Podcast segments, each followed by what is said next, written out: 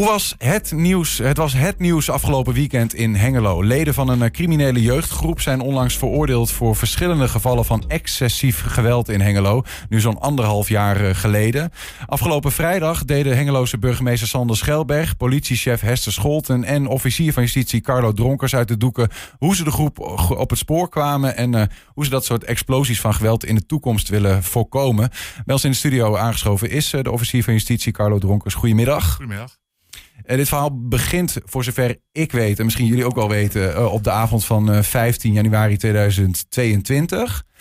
Ja. kunt u schetsen wat er in een aantal weekenden in die winter van 2021-2022 gebeurde?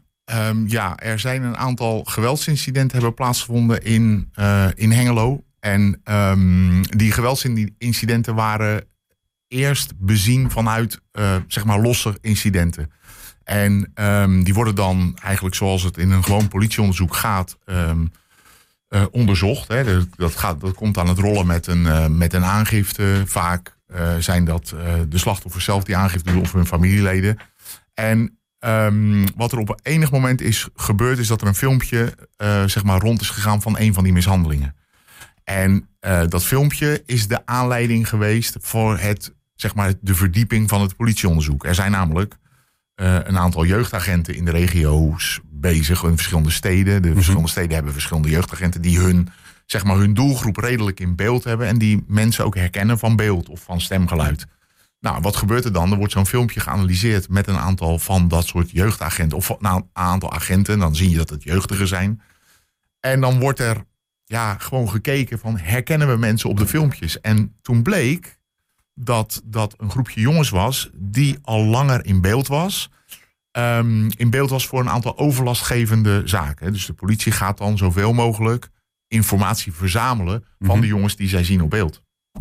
En gaande het onderzoek bleek dat er een aantal overeenkomsten zaten in die strafbare feiten. Ze waren allemaal heftig en ernstig. Maar je zag ook in sommige van die strafbare feiten zag je dezelfde jongens. Die werden ofwel genoemd als hè, door, door getuigen. Die hadden iemand herkend. Toen zijn ze die, uh, die, is de politie die strafbare feiten met elkaar gaan verbinden. Er was al informatie over een hele grote groep jongens die wel voor overlast zorgden, maar geen strafbare feiten pleegden, geen ernstige strafbare feiten pleegden. Nou, dat hebben we met elkaar gecombineerd. Ja. En dan kwam je uiteindelijk tot een dadergroep, zeg maar, tot een verdachte groep. Nu Ja. inmiddels een dadergroep, want er is een hele behoorlijke groep veroordeeld. ja.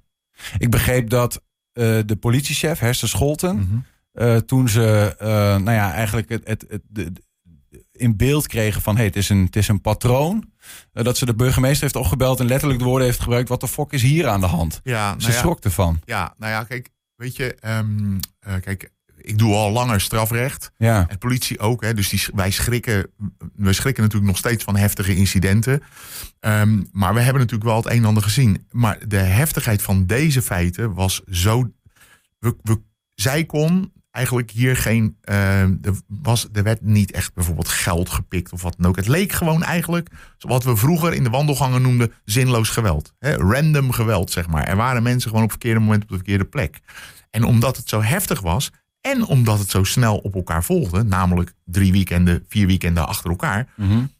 ja, waren we wel bang, of was zij in ieder geval wel bang, dat, het, dat er sprake was van, nou, mogelijk zelfs een vooropgezet plan. Nou, daarvan is helemaal niets gebleken. Nee. Het zijn jongens die in een bepaalde situatie met elkaar door de stad aan het lopen waren. En dus inderdaad mensen tegenkwamen op het verkeerde moment, op de verkeerde plaats. En kennelijk, en dat vind ik eigenlijk een van de meest interessante dingen eraan, hè, even los van dat het heftig is van de slachtoffer overkomt. ja. Maar kennelijk niet bij machten om tegen elkaar te zeggen van jongens, dat zouden we maar eens even niet moeten doen, zeg maar. Weet je? En, en, en dat geweld was niet zomaar een klap geven. Nee, er werden jongens geslagen totdat ze op de grond vielen en op de grond ook geschopt. Zeg maar. Ja, nou, ik heb, ik heb eh, termen gezien als een poging tot doodslag. Zeker, waar- waarvoor zeker. een van de 15-jarige jongens is eh, veroordeeld. Zeker, en dat gebeurt, dat, dat is zeg maar de juridische vertaling Ja. van hetzelfde delict. Want er wordt iemand geslagen en geschopt. En als je op de grond ligt en je bent in weerloze toestand en er wordt zodanig op je ingeschopt, zeg maar, dan Mhm. zou je dat kunnen zeg maar, benoemen als een poging doodslag. Iemand, dan is als het ware dat je op de koop toeneemt. dat door je geweld. Hè, je hebt misschien niet de bedoeling om iemand dood te schoppen. Maar je neemt als het ware de kans op de koop toe dat Ja. je iemand doodschopt. En dat Ja. is een poging doodslag. En daar heeft de rechtbank gewoon inderdaad een bewezenverklaring voor uitgesproken. Wanneer komt eigenlijk eh, een officier van justitie, eh, zoals u hier zit, wanneer komt u eigenlijk in zo'n verhaal eh, erbij? Ik kan me voorstellen, dit Ja, heel gebeurt snel. Heel snel al. Ja, ja, zeker. het gebeurt, een, een, een slachtoffer eh, doet aangifte of niet, want het gebeurt volgens mij ook, tenminste Ja. er soms wat, wat terughoudendheid in. Ja, Misschien voor angst, kan ik me voorstellen. En dan gaat de politie eh, dat onderzoeken. ook- Schaamte speelt ook een rol. Mensen worden soms in elkaar geslagen en vinden dat ook niet echt heel tof om daarover te spreken, zeg maar. Weet je? Dus dan, maar goed, er zijn ook in deze situatie bijvoorbeeld ook ouders geweest die een kind zien thuiskomen, hè, een jonge jongen. En die, wie zijn kop helemaal kapot is. En die dan zeggen van ja, maar jij kan geen aangifte willen doen. Maar eh, weet je, wij gaan wel naar de politie.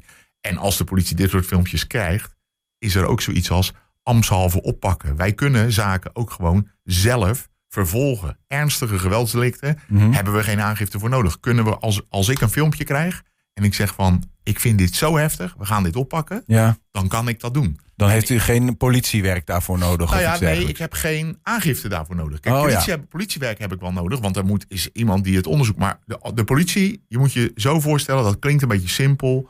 Maar de politie, dat zijn eigenlijk mijn ogen en oren, om het maar even zo te zeggen. En op het, als er een heftig incident is, Mhm. dan mag je ervan uitgaan dat een burgemeester daarvan hoort. Omdat hij nou eenmaal graag wil weten wat er in zijn stad gebeurt. Ja, Dat is één. Maar er is een andere lijn en dat is de opsporingslijn. De burgemeester is een soort van de baas over de politie voor wat betreft de openbare orde. En de officier van justitie geeft leiding aan het politie, aan het Ja. strafrechtelijk onderzoek. Dus op het moment dat de politie een strafbaar feit constateert, ofwel door een aangifte, ofwel door filmpjes, of het, dan nemen ze à la minuut met mij contact op. Hoe heftiger, hoe sneller. Je kunt je voorstellen, als er een moord gepleegd is, dat wij meteen, kets, dan zijn we er. Of als er, hè, dat, dat, dan, daar hebben wij ook gewoon piketregelingen voor. Daar zijn wij gewoon voor, 24-7. ja, om te zorgen dat er recht gedaan wordt. Nou ja, om te zorgen dat het opsporingsonderzoek gewoon verloopt via de regels van de kunst.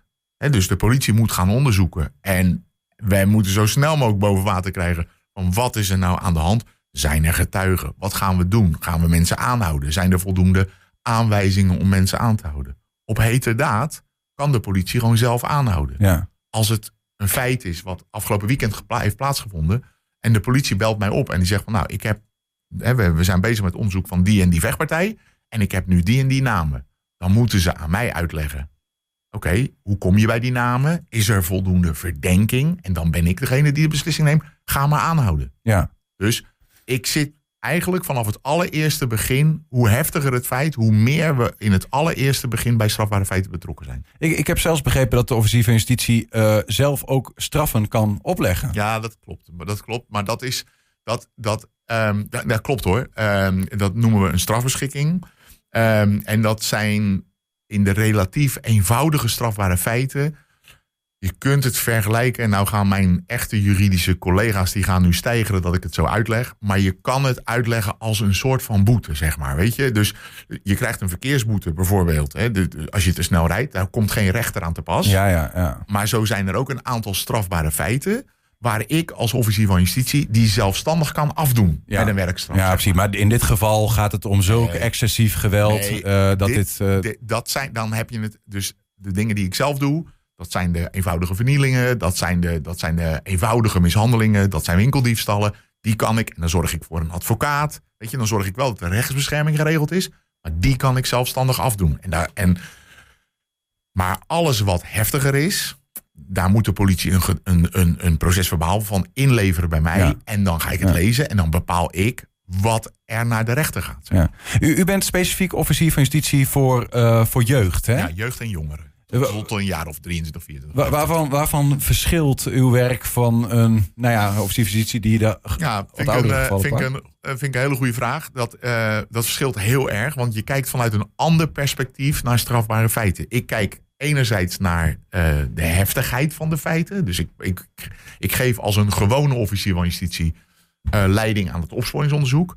Maar in, ehm, eh, in de wet staat ook, er is een apart jeugdstrafrecht met een apart sanctie, ma- sanctieapparaat. Zeg maar. Er zijn aparte straffen voor. Mhm. Er wordt dan op een iets andere manier gekeken naar jeugd. En waarom is dat? Omdat jongeren in de tot, ja, tot een jaar of 23, 24, 25 ja, groeien op en maken fouten. Dus van mij kan verwacht worden dat ik een bepaald strafbaar feit bekijk vanuit het perspectief ook van opgroeien. Dus aan de ene kant straffen, maar aan de andere kant ook naar de toekomst kijken en proberen na te denken: oké, hoe ga ik er nou voor zorgen dat, ehm, dat aan de ene kant er recht gedaan wordt aan het slachtoffer, maar dat er aan de andere kant ook ja, nagedacht wordt over hoe gaan we er nou voor zorgen dat dit soort feiten stoppen? Of dat dit soort jongens ook gewoon nog aan hun toekomst kunnen gaan werken. Ja. Want dat is een, ook een keerzijde van het plegen van strafbare feiten.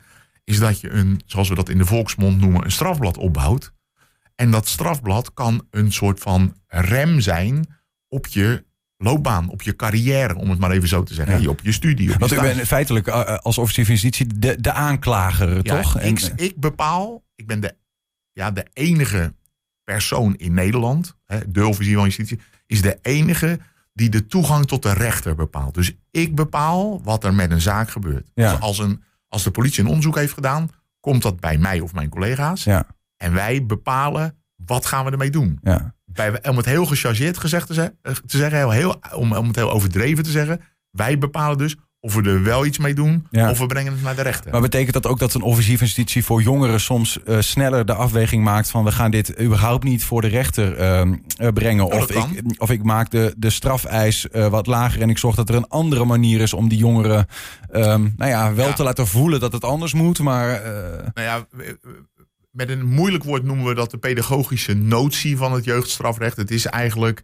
het jeugdstrafrecht valt gewoon uiteen in een, een aantal aspecten. En één van die dingen is dat heropvoedingsaspect.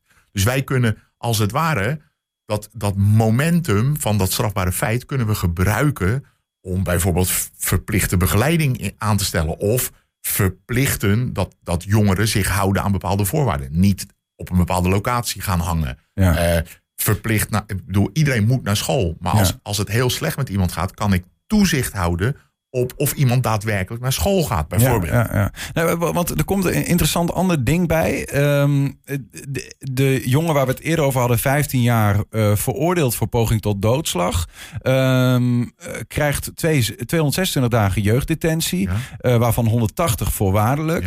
Ehm, krijgt een taak- en leerstraf van samen 235 uur. Ja. Eh, moet de schadevergoeding die is ontstaan. En hij wordt verplicht begeleid door jeugdreclassering tijdens een proeftijd van twee jaar. En toch, eh, dus dat is dan de, de, nou ja, de, de eis en de, uiteindelijk de rechter die uiteindelijk dat vonnis uitspreekt. Ja. Eh, toch kwam die vrij op het moment dat dat vonnis wordt uitgesproken. Terwijl Ja, eh, nou, er is toch ook een onvoorwaardelijke gevangenisstraf ik dit Zeker, zo maar hij had die, die onvoorwaardelijke gevangenisstraf eh, al eh, uitgezeten, om het maar even zo te zeggen. Kijk, je moet het zo zien. Ja, ja. Als ik met het onderzoek bezig ben, dan geef ik dus als het ware toestemming aan de politie om iemand te gaan aanhouden.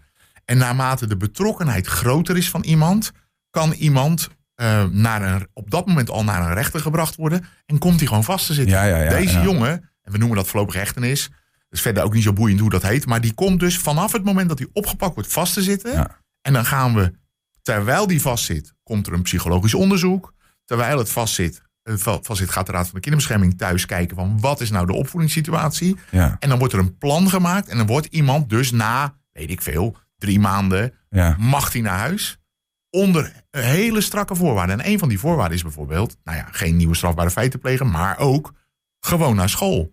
Eh, op, niet op die locatie eh, of een bepaalde leerstraf alvast gaan doen, zeg maar. Mhm. Doet hij dat niet, en, dan worden gewoon, en dat zijn echt hele harde afspraken. Die, die afspraken maakt hij, ik, ik kook dat voor als het ware, maar uiteindelijk is er een rechter die dat beslist. ja. Je mag naar huis onder de voorwaarde dat. ja. En als je je dan prima gedraagt tot het moment van de zitting, dan wordt daar rekening mee gehouden op het moment van de zitting. Dus dan hoef je, in mijn woorden, wat mij betreft, hoe ernstig dat strafbare feit ook is, hoef je niet terug naar de gevangenis. Nee, nee. Maar krijg je dus wel een grote voorwaardelijke gevangenisstraf.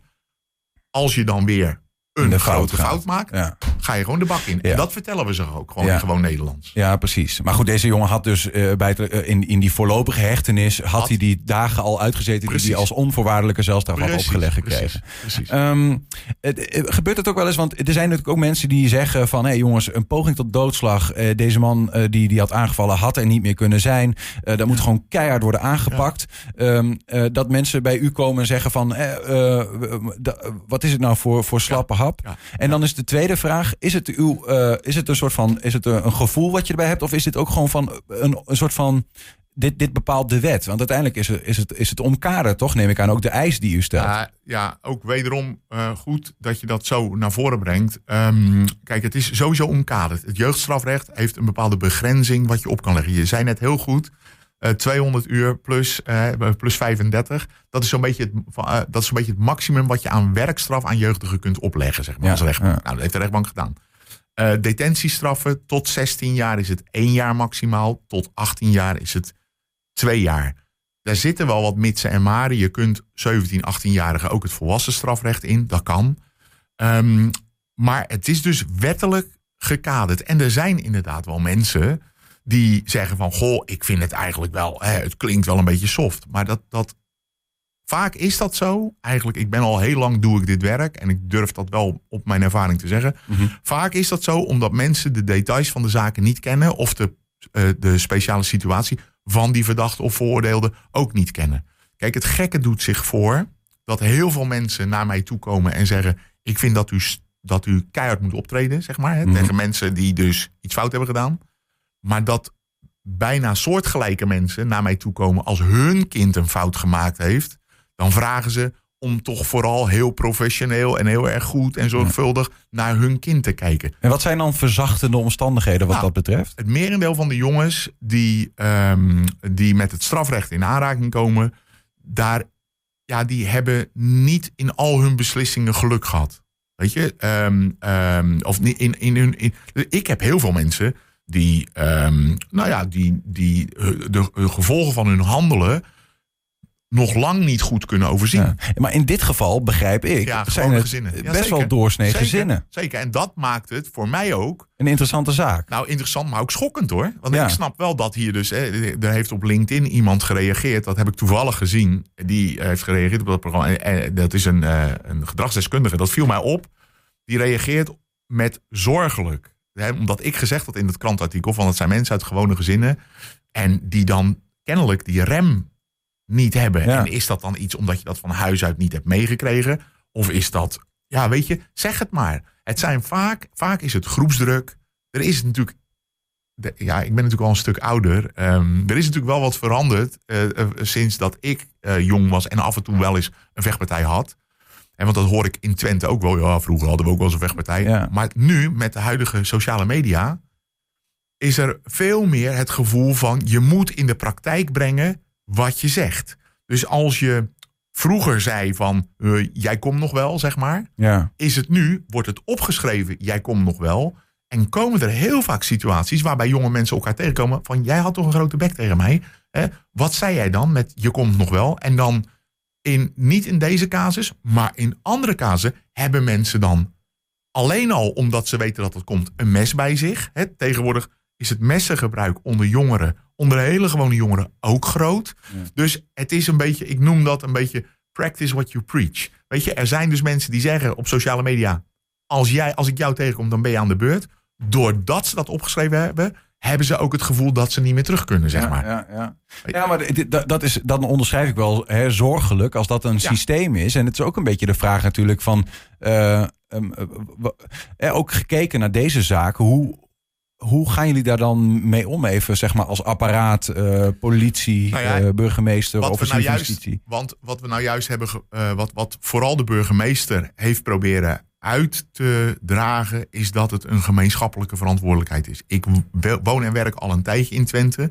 Dus ik heb ehm, in Enschede, in Hengelo, in Almelo heb ik allemaal van dat soort groepjes wel gezien. En er waren hele betrokken eh, burgemeesters, zoals in, in Enschede nog met den oudste, was er op Zuid, was er, waren er ook wel wat dingetjes, om het maar even zo te zeggen. Wat we dan doen, is als overheid proberen verbinding te maken, ook met de ouders, ook met de scholen en ook met de jongeren, door ze in gewoon normale taal aan te spreken en te zeggen: wat, zijn nou, wat is nou de consequentie van jullie handelen? Ja. Het is dus niet een feestje van de overheid alleen. De overheid pakt wel zijn verantwoordelijkheid, Ja. maar we, we sturen, en dat, dat klinkt heel misschien een beetje wollig, maar Ja. we, we proberen dat zo breed mogelijk aan te Ja, pakken. snap ik, maar ik kan me ook voorstellen dat, dat want, want u beschrijft een, een fenomeen waarin de, eigenlijk de, de, de- nou, het internet, waarin dingen worden vastgelegd, ehm, dat die zorgen voor een soort van extra druk Ja, dat eh, op die, wel, bovenop ja. die groepsdruk. Kan ik mij ook voorstellen. Ehm, dat, het, dat het ook vraagt dus om nog meer eh, opvoeding op de, op, de, op de scholen. Meer dan dat het anders was misschien wel. Nou ja, goed. Weet je, nou heb ik een onderwijsachtergrond. Ehm, en ik vind al dat wij heel erg veel op het bordje van het onderwijs gooien, zeg Ja, maar. ja, Weet je? ja. Eh, er, er, er wordt, kinderen zijn, krijgen geen ontbijt, dus gaan we op school ontbijten. Ik, ik vind het geweldig de betrokkenheid van de maatschappelijke organisaties zoals scholen dat ze hun verantwoordelijkheid pakken. Maar hier zit natuurlijk, ja, en dat klinkt misschien wel een beetje oude lullerig, maar hier zit natuurlijk ook gewoon een opvoedingsaspect in. Er zijn ook ouders die gewoon moeten durven verantwoordelijkheid nemen. Ja, nu ga ik wel heel. Maar weet je, je moet ook gewoon weten waar. Ik vraag me soms echt oprecht af, en dat klinkt heel ouderwets, maar ik vraag me soms echt af of, of ouders weten waar hun kinderen mee bezig Mee zijn. bezig zijn, en ja. of ze durven te vragen, bijvoorbeeld, hoe kom jij aan die Canada Goose jas? Bijvoorbeeld. Er hangt nu opeens een andere jas op de kapstok. Ja. Ja, geruild. Moet je dat nou echt allemaal geloven? Weet je, ik wil niet dat je de telefoon van je kind... Weet je, je hoeft niet de telefoon van je kind te gaan controleren of wat dan ook. Maar het zou mij wel wat waard zijn... als ik soms ouders zou spreken die zeggen van... ja, maar hij heeft ook recht op zijn privacy. Ja, dan denk ik, ja, tot zekere hoogte vind ik dat. Ik, ik, we moeten het gesprek gaan afronden, Ja. helaas. Want het is een heel interessant onderwerp, denk ik. Eh, en, en bewegingen die bepalend zijn uiteindelijk, eh, zelfs voor mensenlevens soms. Zeker. Eh, maar die beginnen bij een, een post op een so- sociaal medium, of TikTok of weet ik veel wat. En goed, ik, ik hoor dit eigenlijk voor het eerst. Hè, de, de, misschien de beweging die erachter kan zitten. Namelijk dat groepsdruk wordt vastgelegd feitelijk. Nou, ik kan me ook voorstellen dat voor ouders en, en opvoeders in het algemeen... dat het go- goed is om daar bewust van te zijn. Van, Ik denk dat jonge mensen thuis, en ik denk dat dat altijd zo is geweest. Ik denk alleen dat dat nu iets meer naar voren komt.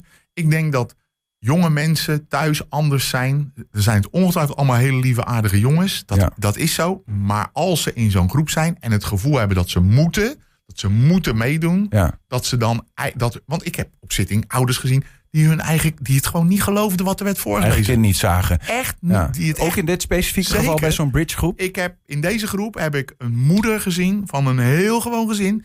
Die in tranen uitbarstte en echt zei van ik schaam me zo van wat hier is gebeurd in de richting van slachtoffers. Mm. En toen heb ik alleen maar tegen dat ventje gezegd die er zat. Ik zeg weet je, ik zeg dat je hier van mij niks aantrekt. Allemaal prima. Zeg maar je moet eens omkijken. Ik zeg kijk eens wat er zit nu op de, op de tribune. Kijk eens, kijk eens, want dat heet een tribune. Ik zeg kijk eens naar je moeder. Zeg dat is de grootste recidieve beperkende factor. Ja, als dat je, werkt ook het best, denk als ik. je je daar maar wat van aan zou trekken. Zeg maar. Ja, ja. Nou, duidelijke boodschap. eh, offensief van justitie Carlo Dronkers. Dank voor de, voor de komst, voor de uitleg. En eh, ja, succes met het, eh, het werk om het land... en, en, en voor, voor, voor daders en voor slachtoffers Nee, veilig te houden. Bedankt ook voor jullie tijd. En het is gewoon belangrijk dat we hier met z'n allen intrekken, in optrekken, zeg maar. Dankjewel. Dank, succes.